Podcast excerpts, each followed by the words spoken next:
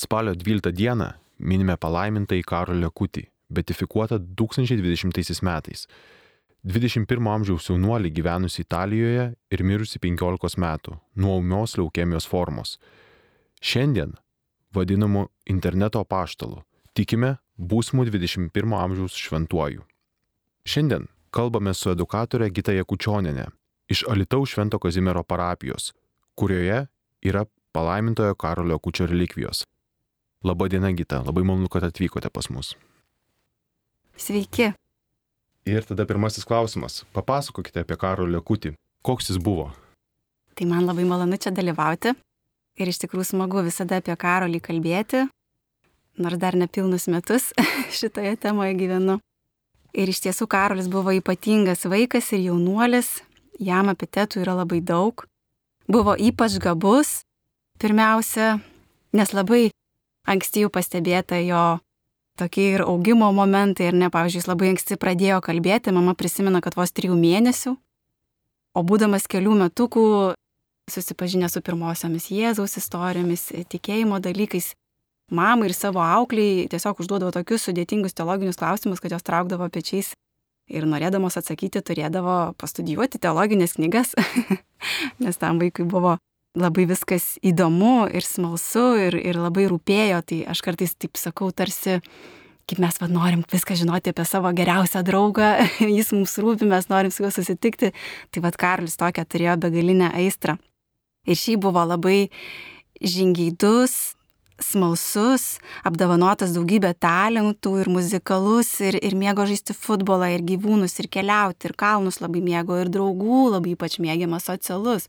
Tikrai, kiek draugai prisimena, tai buvo ne tas užsisklendęs kažkoks keistuolis vaikas, bet tas, kuris buvo kompanijos siela kuriam draugai netgi skambindavo sunkių momentų pasitarti, pasikalbėti, kaip čia kas yra, nes jis turėjo tą tokią bendravimo dovaną nuoširdumą knygoje, kaip mama rašo, kad dalykus labai anksti išmoko vertinti iš amžinybės, o ne iš šiapusinio gyvenimo perspektyvos.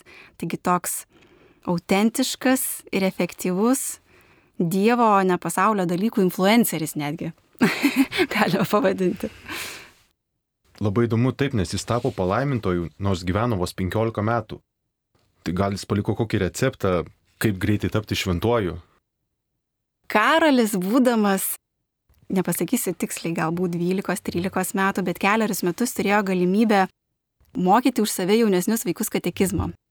Tai, nu, mes dažnai turim tokią praktiką, kad kai yra kažkokioje srityje, pavyzdžiui, vaikas labai geras, tai kaip pavyzdį mes tikrai norime pakviesti, ar ne, kad jis kaip tarsi paliudytų, tai jis tokią galimybę turėjo ir jis net tokią programėlę buvo savo pasirašęs, būtent kaip eiti to šventumo keliu, koks šitas receptas galėtų būti, ar ne.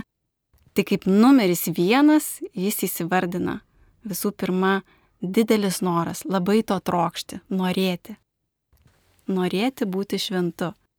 O jeigu neturi to troškimo, tai tada prašyti Dievo kaip dovanos, šventumo kaip dovanos. O visą kitą išrašė kaip šalia dalykus, kurie yra svarbus einant šventumo keliu. Tai yra šventos mišios, adoracija, rožinio kalbėjimas, čia kalba vaikas. Ar taip, ne? Taip. Rožės apskritai jis yra kaip išsireiškęs, pasakęs, kad tai yra laiptai į dangų, toks paskubinimas į viešpaties glėbį. Labai mylėjo mergelę Mariją. Švento rašto skaitimas, išpažintis ir pats Karlis išpažinties ėjo kas savaitę. Tai tikrai labai nu, dažnai savo tą širdį tyrino, stebėjo atlikti pasiryžimus, kad ir menkus pasiryžimus, ir melstį savo angelo sargo pagalbos kiekvieną dieną. Jūs e, minėjote, Gita, kad esate iš Šventų angelų sargų parapijos, taip? Taip. Tai ar galima sakyti, kad Karlis tapo jūsų angelų sargu? Bent jau užtarėjų, tai tikrai taip. Jis yra mano netgi bendradarbis, nes jau dabar visiems pasiviešinsiu, kad tikrai esu komandos žmogus ir man nelengva buvo iš muziejaus išeiti. Į muziejų taip pat Dievo vedimą pakliuvau, turbūt ten jis mane paugino, tą edukatorę. Ir čia aš Švento Kazimiero parapijoje darbuojuosi kaip ir viena, mano komanda yra kunigas rytis, dar keli savanoriai, kurie šiek tiek gal veiklose prisijungia, bet tikrai labai nedaug ir man tos komandos taip trūksta, tai Karolis yra mano komanda. Visi šventieji yra mano komanda, tai kai šitą mintį supratau, tai man lengviau pasidarė darbuotis.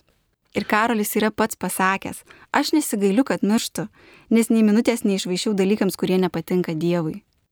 Aš tik norėčiau paklausti, o kaip Karolis jautė, kas patinka Dievui, ar Biblija, ta prasme, buvo jo kelrodė? Tai kas be ko Dievo žodis, katekizmą, aš žinau, kad jisai cituodavo mintinai. Nu, jis turėjo tikrai labai gerą galvą. Jis programuoti pradėjo, būdamas 8-9 metų.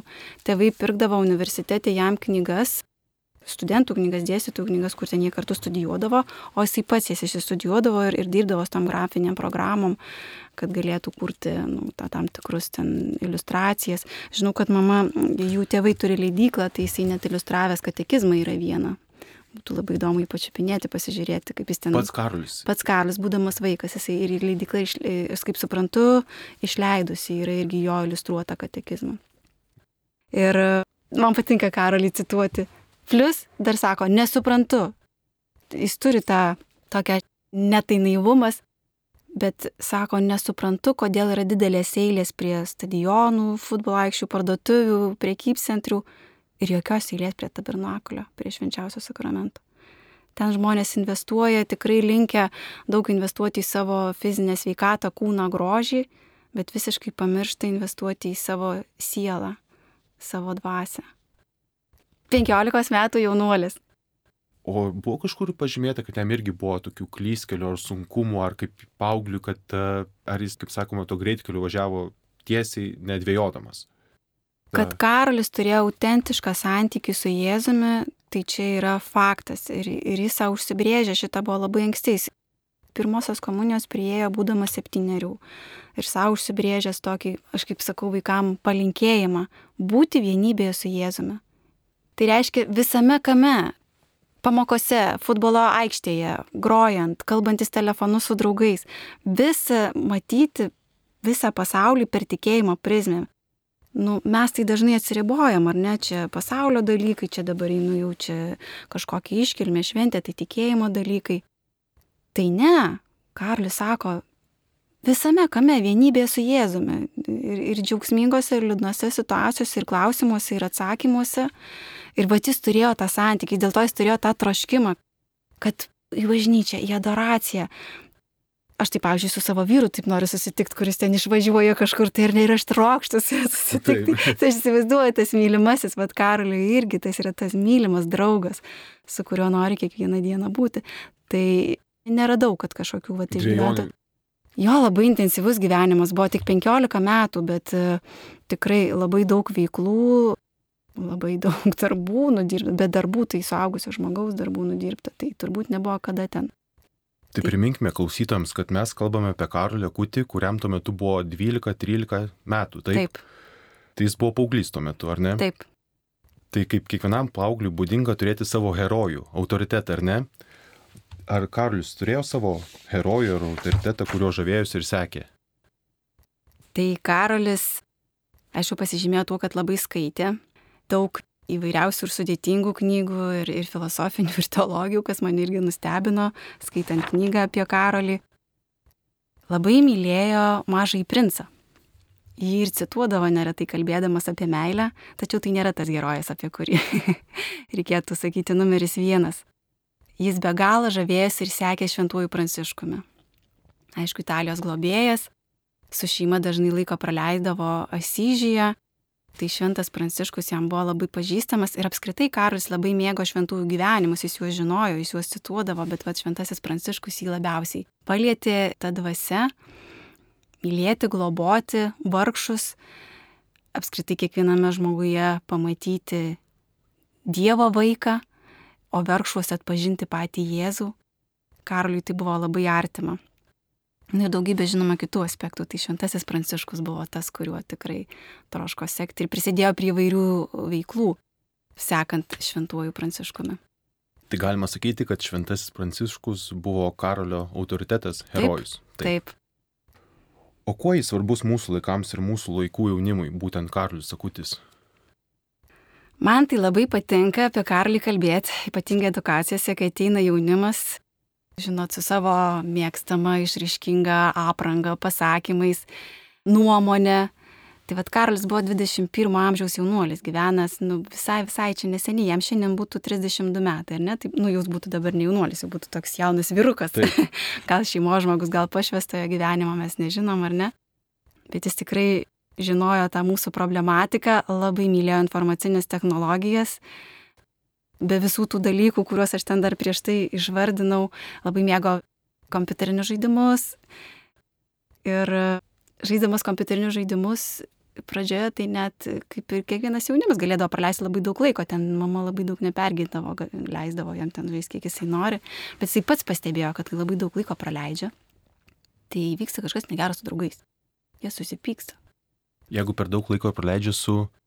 Žaidami kompiuterinius žaidimus, nes ten yra net aprašytas knygoje atvejis, kada draugai pabaigoje tiesiog net meta pultelį, sudaužo, supyksta ir vienas kitą pradeda kaltinti. Ir aišku, dėl to, kad nu, mes žinom saugusi, kad yra tiesiog elementarus nuovargis, nebegali nei bendrauti, nei mąstyti, nei nieko ir jų emocijos liejasi per kraštus ir Karlius tai pastebėjęs, jisai pats įsiveda discipliną. Jisai pats nusprendžia, kad reikia šitą dalyką kažkaip apriboti ir net pats savo draugus kvietė laikytis tos disciplinos. Įsivaizduokit, apribodamas kompiuteriniam žaidimam save vienai valandai per savaitę tai yra nieko šiuolaikiniam jaunimui. tai yra nieko. Bet į ką tai veda, visada yra dalykai, kuriuos tu labai mėgsi, jeigu labai apriboji, tai jie turi kažkokiu būdu išsprokti gerąją arba blogąją prasme.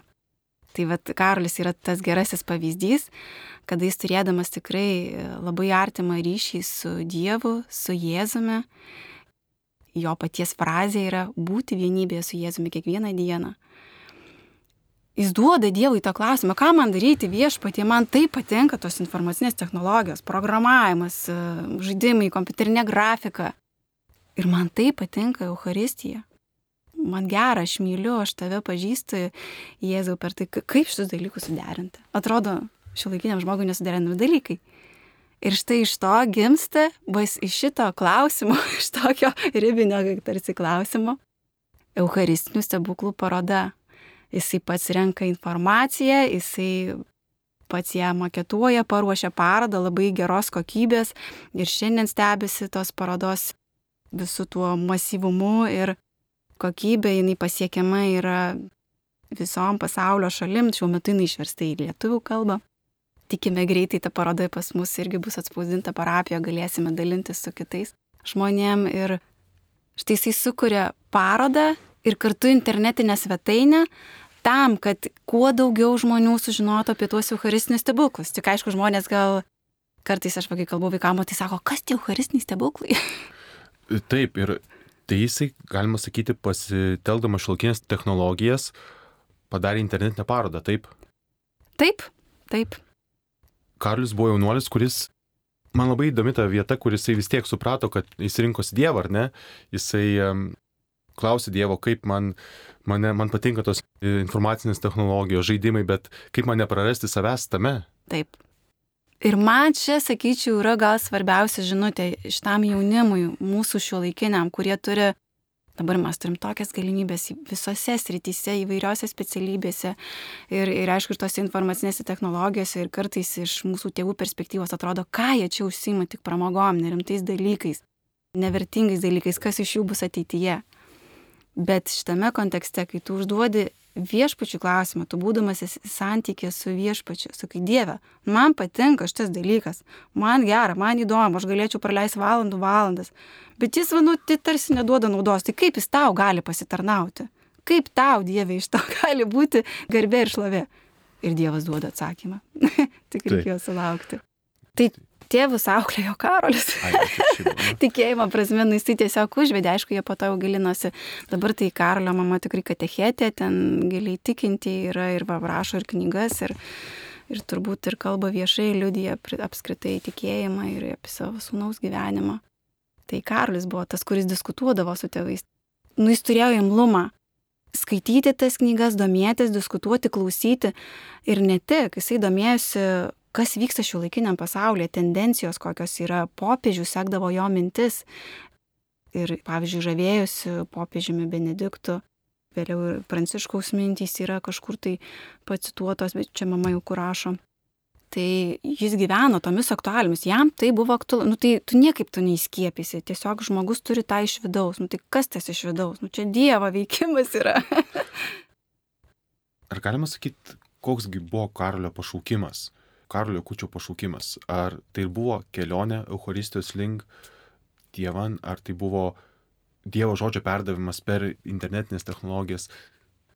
Įdomu, Aišku, kuo jis būtų buvęs, kokį pašaukimą būtų pasirinkęs, jeigu jis gyventų šiandien. Žemiškai. Žemiškai, ar ne? Ar jis ten va pašvestojo gyvenimo, ar vienuolystė, ar teologas, ar šeimos žmogus, tai būtų įdomu, nes tikrai jam ir labai šeima rūpėjo ir visi tie teologiniai, filosofiniai dalykai. Bet faktas, kad numeris vienas, ką jisai iškelia, ką mums visiems kaip svarbiausią dalyką pasako, kad Euharistija. Euharistija tai yra pats svarbiausias dalykas, dėl to ją priimti kiekvieną dieną, adoracijoje dalyvauti kiek tik tais galima. Ir net Karlis yra pasakęs, kad kaip gerai, kad aš negimiau prieš 2000 metų. Nes kad sutikčiau Jėzų, tai būčiau turėjęs ten, nu ką, žinau, ežero pagrantėm vaikščioti, ar ten lipti kažkur į medį, ten matysi, nepamatysi, ar net iš tam iš švento rašto tų istorijų, sutiksi, nesutiksi. O mes šiandieną nuėję kiekvieną bažnyčią kiekvieną koplyčią, ten, kur yra švenčiausias sakramentas, mes ir sutinkame Jėzų švenčiausiame sakramente. Jis yra čia su mumis dabar. Tai yra, wow, šlovė viešpai, tokia dovana mums kiekvienam. Primenu, kad kalbame su edukatorė Gita Jakučioninė iš Alitaus Švento Kazimiero parapijos, kurioje yra palaimintojo Karolio Kučio relikvijos. Čia Marijos radijas. Tada paklausiu jūsų, kaip jūs pati susipažinote su Karolio Kučiu? Manau, kad Karolis Sakutis dar prieš man jį, su juo susipažįstant, tikrai jau vedė gyvenime. Labai neįsiplėsiu čia į savo liudijimus, nes aš dirbau muziejuje. Mano parapija yra Šventų Angelų sargų parapija. Ten aš lankausi kas sekmanį šventose mišiose su savo šeima. Bet dar metai ar porą metų prieš įkurdinant relikvijas Švento Kazimiero parapiją, aš tiesiog labai troškau gėdoti chore, o choras buvo Švento Kazimiero parapija. Tai aš būdavo nueinu su šeima į mišes ir dar vakariai einu pagėdoti į Švento Kazimiero parapiją. Ir tenai, dalyvaujant tose mišiose, tiesiog išgirdau iš mūsų kunigo ryčio, kad štai yra toks jaunuolis, koks jisai yra žavus, koks yra mūsų svarbus šio laikiniam žmogui, jaunimui. Ir tiesiog po to ir išplaukė iš to, kad ir tos relikvijos pas mus atkeliavo, čia aišku dar yra atskira istorija. Ir kaip chorelis mes turėjom ir, ir programą ten iškilmėms paruošti, dalyvauti. Tai bet pamažu, pamažu vis daugiau išgirstant apie karolį ir atsimenu, kada buvo iškilmės, tai nu, tikrai be galo mane lietė, labai buvo jautrus momentas, atsimenu, tikrai ašaros kaupėsi akise išgyvenau begalinį džiaugsmą ir kai šiandien prisimenu, galvoju, aš nesuprantu, iš kur tas džiaugsmas trykšta, nes atrodo tokį džiaugsmą patiri, kai savo vaiką matai arba kažkokį savo labai artimą žmogų, o čia atkeliauja relikvijos ir tu patiri kažką labai artimo. Ir atkeliavus relikvijoms, klebonas mane pakalbino dirbti edukatorę Šinto Kazimiero parapiją būtent su palaiminto Karolio Akučio tema. Mes jau buvome užsiminę apie stebuklų internetinę parodą. Dar norėjau paklausti, jo didžiausias gyvenimo darbas buvo Euharistijos stebuklų internetinė paroda. Taip, o kokį poveikį jūsų būtent tikėjimui turi šie Euharistijos stebuklo prašymai? Tai prisipažinsiu apie Eucharistinius stebuklus, jeigu ir buvau girdėjus, tai tikrai nebuvau užfiksavęs, kas tai yra per dalykas, tai tikrai Karolis yra tas, per kurį aš sužinojau. Tai aš esu tas pavyzdys, kad Karolis dirba šiandien savo darbą. Visų pirma, tai reikia priminti, kad Eucharistinis stebuklas tai yra tie momentai užfiksuoti žmonių nuo amžių seniausių daugybę šimtmečių atgal, kada, pavyzdžiui, šventų mišių metu ta laiminama duona, miltai ir vanduo realiai virsta regimų būdu, pavyzdžiui, ten mėsos gabalu ar ne, ar ten kraujas išteka. Mokslininkai padarė tyrimą, pamato, kad tai pavyzdžiui yra širdies raumuo, kad nepasikeitę kraujo lastelės nepraradę to gyvybingų kažkokių ten elementų, kurie turėtų ten sukrešėjusiam kraujui jų nebūti ar ne. Tai yra regimi Dievo ženklai mums, kad Jėzus yra čia, jis yra gyvas. Tai man šita žinia buvo labai stipri, labai džiugi, aš visai kitaip po tų Eucharistinių stebuklų ir pačią Eucharistiją šventų mišių prieimu. Ta gyvojo Dievo suvokimą tiesiog pastiprina. Ir Karolis troško, kad šita žinia turi apskrieti visą pasaulį, kas ir vyksta dabar. Aišku, jis pradėjęs ten daug darbų buvo ir mergelės Marijos apsilankimo vietas irgi labai norėjo tokią internetinę svetainę paruošti, tai jinai dabar jau šiuo metu yra paruošta, nes tiesiog tęsia jo darbus, yra komandos, kurios tęsia jo darbus, tai, tai va čia ir yra šlovė viešpačiai, kad vyksta tie dalykai, tai tęsiami darbai. Ne tik apie patį palaimintį galim kalbėti, koks jis nuostabus buvo, bet kaip vyksta toliau tie darbai. O būtent koks stebuklas vyko Karolio kučių užtarimu, kad jis buvo paskelbtas palaimintojų? Tai mes kalbam turbūt apie pirmąjį stebuklą dabar. Tai pirmasis stebuklas užfiksuotas yra kol kas vienintelis, nes pagal mūsų dabartinę tradiciją ir taisyklės, tai įvykus dviems stebuklams moksliškai įrodytiems, žmogus kelbiamas jau šventuoju. Tai šiuo metu jis yra palaimintasis, nes 2013 metais Brazilijoje mažas berniukas, matukas, e, sirgdamas nepagydoma kasos lyga, įgimta kasos lyga, tiesiog negalėjo nu, faktiškai sakyti maitintis visą tai, kas patekdavo į jo kūną, ką jis valgydavo, jis viskas išeidavo lauk. Ir būdamas keturių metų svėrė kaip vienų metų berniukas vos 9 kg tai aišku, kad jisai buvo tiesiog, galima sakyti, pasmerktas mirčiai, ne, negalėjo vaikas nei aukti, nei vystytis tėvam, tai aišku, didelis skausmas ir tragedija, tai tėvai meldėsi ir tuo metu Brazilijoje buvo atkeliavę palaiminto Karolio Kučio relikvijos, tai kaip mini pižamos gabalėlis. Tai antrojo laipsnio relikvija ir tėvai tiesiog paraginti ir kunigo meldėsi būtent spalio 12 dieną. Ir sako, nuo tos dienos staigiai prasidėjo pasveikimas tiesiog tą pačią dieną jis paprašė valgyti ir viskas suvirškino ir tada ir vėl ir vėl paprašė ir jis pradėjo maitintis ir, ir aukti ir tada buvo sudarytos tos medicinos, mokslininkų tyrimo komisijos išaiškintas šitas jo pagyjimas ir pripažintas kaip antgamtinis, nepaaiškinamas moksliškai. Kadangi tai vyko pripažinta jau moksliškai, jisai skelbiamas palaimintuoju ir yra 2020 metai, kada jis buvo paskelbtas. Tai tai ir buvo jo pirmasis e, stebuklas. 2013 metais tai yra tas pirmasis stebuklas oficialiai įrodytas. Tokių neoficialių, kur mes nu, vat, girdime žmonių liudijimų. Mamos rašytoje knygoje apie Karolį tai yra tikrai daugiau, kuris yra Karolio užtarimu išprašyta malonių, įvairių pasveikimo malonių ir, ir nuo priklausomybės ir nevaisingos šeimos vaikelių susilaukė, ir, ir onkologinių ligonių. Nu ir aišku, šiandien Karlis laikomas visų pirma jaunimo užtarėjo, ar ne, globėjų, informacinių technologijų globėjų. Labai smagu, kai parapijoje kreipiasi informatikos studentai, prašydami irgi tiesiog palaiminto Karlio užtarimo padėti, pavyzdžiui, pabaigti studijas sudėtingas. Ir, ir kaip ar... sekasi? Tai va, dabar laukiama vaisių, kada mums paliudys tas jaunimas, kas iš to išplaukia, bet aš tik tai sakau, kad tokių intencijų taip, tikrai taip, yra. Tokių neoficialių dar, sakykime. Tai žmonės tikrai kreipiasi ir šeimos. Šiaip tai apėmė daugybę dalykų. Jūs minėjote, kad Švento Kazimiero parapijoje turite Karolio Kučio relikviją, taip? Kaip ją gavote ir ar jau turite paliudytų ypatingų malonių gautų jo užtarimu? Tai apie relikvijos atkeliavimą geriausiai žinoma papasakotų mūsų kunigas Rytis Baltrušaitis, nes jisai karantino metu vyko betifikacija. Tai jisai stebėjo per televiziją visai atsitiktinai įsijungęs būtent paskelbimą palaimintuoju tą ceremoniją. Tiesiog per televiziją. Tiesiog stebėjo ir jį tai pagavo, jį tai palietė, sako, aš negalėjau ir ašarų sulaikyti kad tas jaunuolio gyvenimas yra toks kupinas tų visų darbų, kad nu, mes čia kartais būnam tokie uolus ar ne, ir suaugę tikintieji ir, ir nieko panašaus nesuspėjom padaryti ir kaip jisai stipriai liudijo visus savo gyvenimu viešpaties buvimą.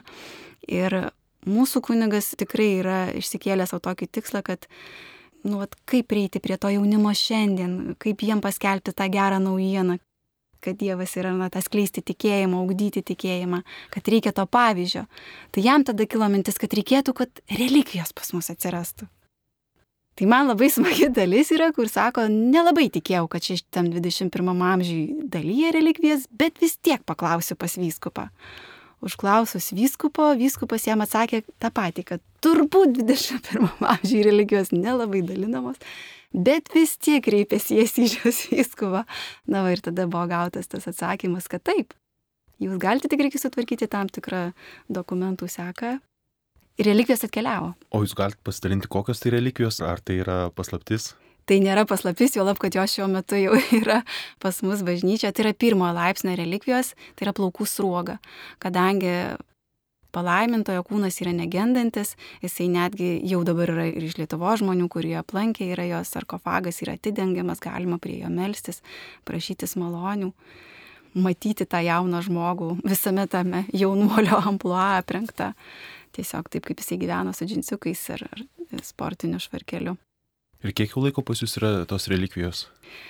Ir kiek dar bus? Pas tos... mus įkurdintos nuolatiniam pagerbimui, niekurios neturėtų keliauti, nebent nežinau, kas čia turėtų atsitikti. Taip. Ir įkurdintosios buvo pernai, lygiai prieš metus spalio 10 dieną ir spalio 12 ta didžioji iškilmė, tai šį metą vėl minime. Iškilmingai Elitaus Švento Kazimiero parapija spalio 12 palaiminto Karolio Kučio dieną. Lietuviškai išleista knyga apie Karolį parašyta jo mamos, taip? Taip.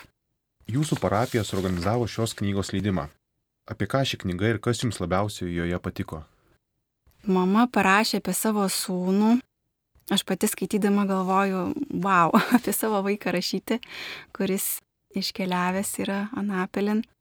Tai knyga, aišku, pasakoja apie patį Karolį Jakutį, koks jisai buvo, bet mamos akimis tai tikrai tokių jautrių momentų yra.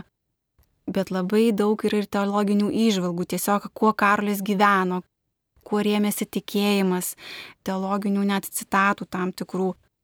O man kas labiausiai patinka, kad mama tikrai yra surinkusi ir pacitavusi paties Karolio paliktas mintis. Arba užsirašytas mintis kažkur perskaitytas, arba paties savo pamastymus. Tai Karolis tikrai buvo tokio aštraus proto, išvalgaus proto ir pagal savo amžių tai jisai, žinoma, tikrai buvo ne kaip 15 metais, bet daug brandesnis, nes aš tai vis negaliu patikėti, kad tas 15 metais skaitė Kirkegaro filosofinės knygas, kas man atrodo, nu, tikrai man sudėtinga yra. Prisipažįstu, man, man sudėtinga yra, o čia jaunuolis. Tai yra daug minčių jo yra palikta, kurios tikrai daro įspūdį. Ir tiesiog apie tikėjimą net galime sužinoti daug dalykų skaitant tą knygą ir apie patį karolį pažinti kaip jaunuolį, kaip vaiką, kaip jis augo, kaip žmogų, kaip bendramžį, draugą, kaip sūnų. Ar jūs galite dar priminti vis tiek, kai mes jau minėjome, kad tai vyko jo paauglystė, o maždaug kada jau buvo ta tokia jau kaip sakot, rinkos ne žaidimus, o Euharistiją. Tokių vaikų, kurie trokšta tos Euharistijos ir turi begalinę meilę, tai istorijoje yra. Tai va, apie Karolį man smagu kalbėti todėl, kad yra gyvi jo tėvai, draugai, jie gali paliudyti tuos dalykus ir mama visų pirma tų dalykų liudininkė. Kaip minėjau, Karolis anksti brendo, anksti pradėjo aišku ir kalbėti, ir, ir klausinėti, ir mąstyti. Tai tiesiog prisimena mama, kad jis būdamas ten mažiukas, vartydamas tas Jėzaus istorijos momentus aš švento rašto, kalbėdamas tas maldas, net būdamas mažiukas jau jį auklė išmokino melstis rožinį ir jis jį meldėsi. Tai pirmiausia tai, kad jisai troško sužinoti daug apie Jėzų, būdamas mažas ir užduodavo daug klausimų savo mamai, aukliai, tėčiui, kurios turėdavo atsakinėti, praeinant pro bažnyčią tiesiog negalėdavo praeiti, nes Karolis bandydavo įsitemti netgi į bažnyčią, nes man reikia pasisveikinti su mergelė Marija ar su Jėzumi susitikti. Jo toks troškimas buvo. Tai tai yra tikėjimo dovana. Aš savo vaikus irgi auklėju, ugdau toje tikėjimo dvasome, turime bendras maldas, skaitimus. Bet tokio, kaip sakant, mes dar augame, tokio didelio kažkokio šuolio tai nėra. Tai čia didžiulė jo dovana. Per jį įvyko tėvų atsivertimas, per jį kalbant apie jaunimą, apie mokinius, paauglius, jūs parapijoje organizuojate edukacinę veiklą apie palaimintąjį Karolio Kutį. Papasakokite apie tai daugiau. Kokia tai veikla ir kaip jį vyksta? Taip, tai visų pirma traškimas supažindinti su palaimintojo Karolio Kučiu. Tai iki šios dienos mes jau čia dabar bandėm taip suskaičiuoti su, su kunigu ryčiu, buvo apsilankę 46 grupės, kurių metu tiesiog įvyko tas pristatymas Iš visos Lietuvos ar tik iš, iš visos Lietuvos? Pirmoji grupė, tarp kitko, atvažiavo iš Klaipėdos. Tai jie lytų tai irgi nustebino, tikrai iš visos Lietuvos važiuoja moksleiviai, bendruomenės, šeimos, aišku, žinai ir pavienių žmonių, tai su pavieniais būna galbūt ant trumpas pristatymas jau visos edukacijos. Nu, yra buvę, kad užsakė maža grupelė edukaciją, nes nu, vis tiek jinai yra mokama, mes kartu darom ir praktinę veiklą. O nuo rugsėjo mėnesio tai tikrai norim, kad būtų ir Lietuvos moksleiviams prieinama lengviau šitą edukaciją, nes tikybos mokytojai, kurie buvo atkeliavę, prašė, sako, gal gal per kultūros pasą, kad būtų galimybė pasirinkti. Tai yra galimybė. Patvirtino penkias programas visoms amžiaus grupės, nuo mažiausių iki didžiausių. Tai jeigu kas norėtų, tai tikrai reikėtų įsivesti Alitaus Švento Kazimiero parapiją, kultūros pase ir rasite ten visus ir, ir pavadinimus. Ir vienos labiau apie Euharistiją, kitos e, daugiau apie bažnyčią, bet kartu liečiam visose temose ir palaiminto Karolio Kučio temą, nes nu jau tos relikvijos yra, nori, nenori, mes turim kalbėti. tai galima sakyti, kad net galima susiorganizuoti kaip ir piligriminę kelionę į Alitaus Švento Kazimiero parapiją pažinti Karolio Kutį.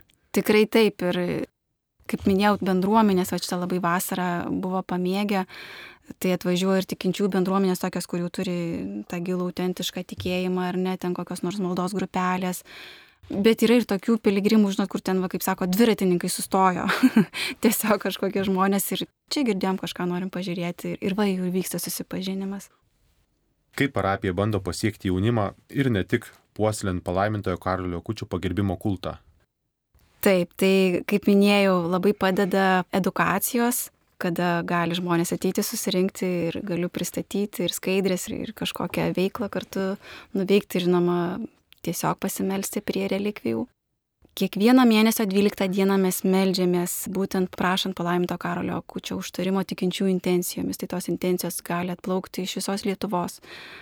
Žmonės turi galimybę parašyti ir elektroninį laišką, žinoma, ir patys atvyksta ir tomis dienomis, tarp kitko, intencijų būna labai daug, nes nu, žmonės prašo, meldžia tikrai. Bet šalia to, kad ta žinia skleistusi, pirmiausia, tai pernai buvo išleista knyga Mano sūnaus paslaptis, tarp kitko jau mes ją visą tiražą beveik išpardavėm, nebeliko, turbūt reikės kartoti tiražą.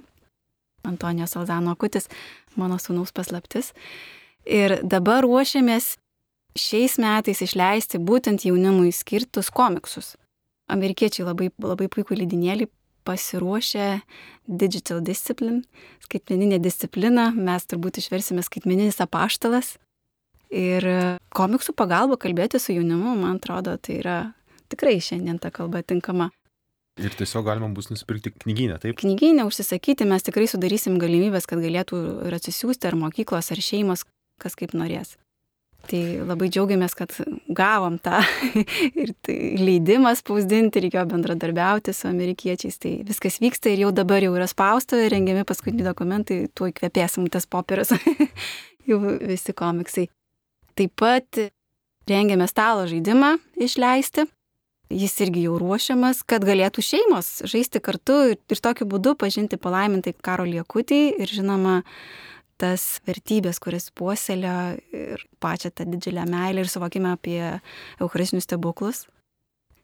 Ir dar nusprendėm, kad jeigu jaunimui yra, tai dar ir mažiesiems reikia. Tai dar tokia mažytė, maža knygutė su daug iliustracijų patiems mažiausiems irgi rengiame, ruošiame. Tai šiais metais iš tikrųjų turime labai daug spaudos. Galime net sakyti, kad jūs neatsiliekat nuo Karolio, kadangi Karolis žaidė žaidimus ir visų pirma tikėjo Dievu, taip ir jūs tikite Dievu ir kuriate kaip Karolis žaidimus, komiksus. Šiuo atveju leidžiame. Bet aš atsimenu, dar buvau nepradėjus dirbti, bet kunigas rytis man sako, žinaigi, tai aš jau vos spėjau paskui Karolį, kiek iš čia visko sumanęs. Tai Karolis pats iš tikrųjų veda. Tikiu, Dievas laimina tuos darbus ir jie, nu, kiekvienas neša savo vaisius. Mes ne visus juos galbūt pamatome, bet Dievo akį viskas regima. Tai darom, ką galim. Tai jei reikėtų vieną frazę nusakyti, kas svarbiausia buvo Karoliui, kokia tai būtų frazė? Tai Karolio frazė tikrai labai įsimintina. Euharistija tai greitkelis į dangų. Euharistija tai greitkelis į dangų. Jis švenčiausią sakramentą dalyvaudamas mišiuose priimdavo kiekvieną dieną. Tai jaunuolis, kuris spėjo ir sportuoti, ir dalyvauti su draugais visose veiklose, ir kurti internetinės svetainės, ir jeigu reikėdavo dirbdavo iki trečios nakties, ir pasimelsti kiekvieną dieną, ir rožinį visą sukalbėti, ir dar kiekvieną dieną mišiuose sudalyvauti. Nežinau, aš kartais sakau, gal Dievas jam davė daugiau negu 24 valandas, nes aš kartais galvoju, nu kaip taip sutalpinti jaunam žmogui. Ir dar buvo pasiryžęs, kad mokytis reikia uoliai ir gerai. Tai reiškia, jam buvo svarbu nepraleisti namų darbų, ne tik tai klimti tai, kas ten labai jam patinka, ar ne? Aš turbūt irgi norėčiau palinkėti mūsų klausytojams, kad e, saugiai važiuoti greitkeliu ir linkia Euharistijos. Ačiū labai Gita už pokalbį, buvo labai malonu. Primenu, jog kalbėjome su Gita Jakučioninė, edukatorė iš Alitaus Švento Kazimiero parapijos, kurioje šiuo metu yra palaimintojo Karolio Kučio relikvijos. Tai ačiū Gita, buvo labai malonu. Ačiū Jums.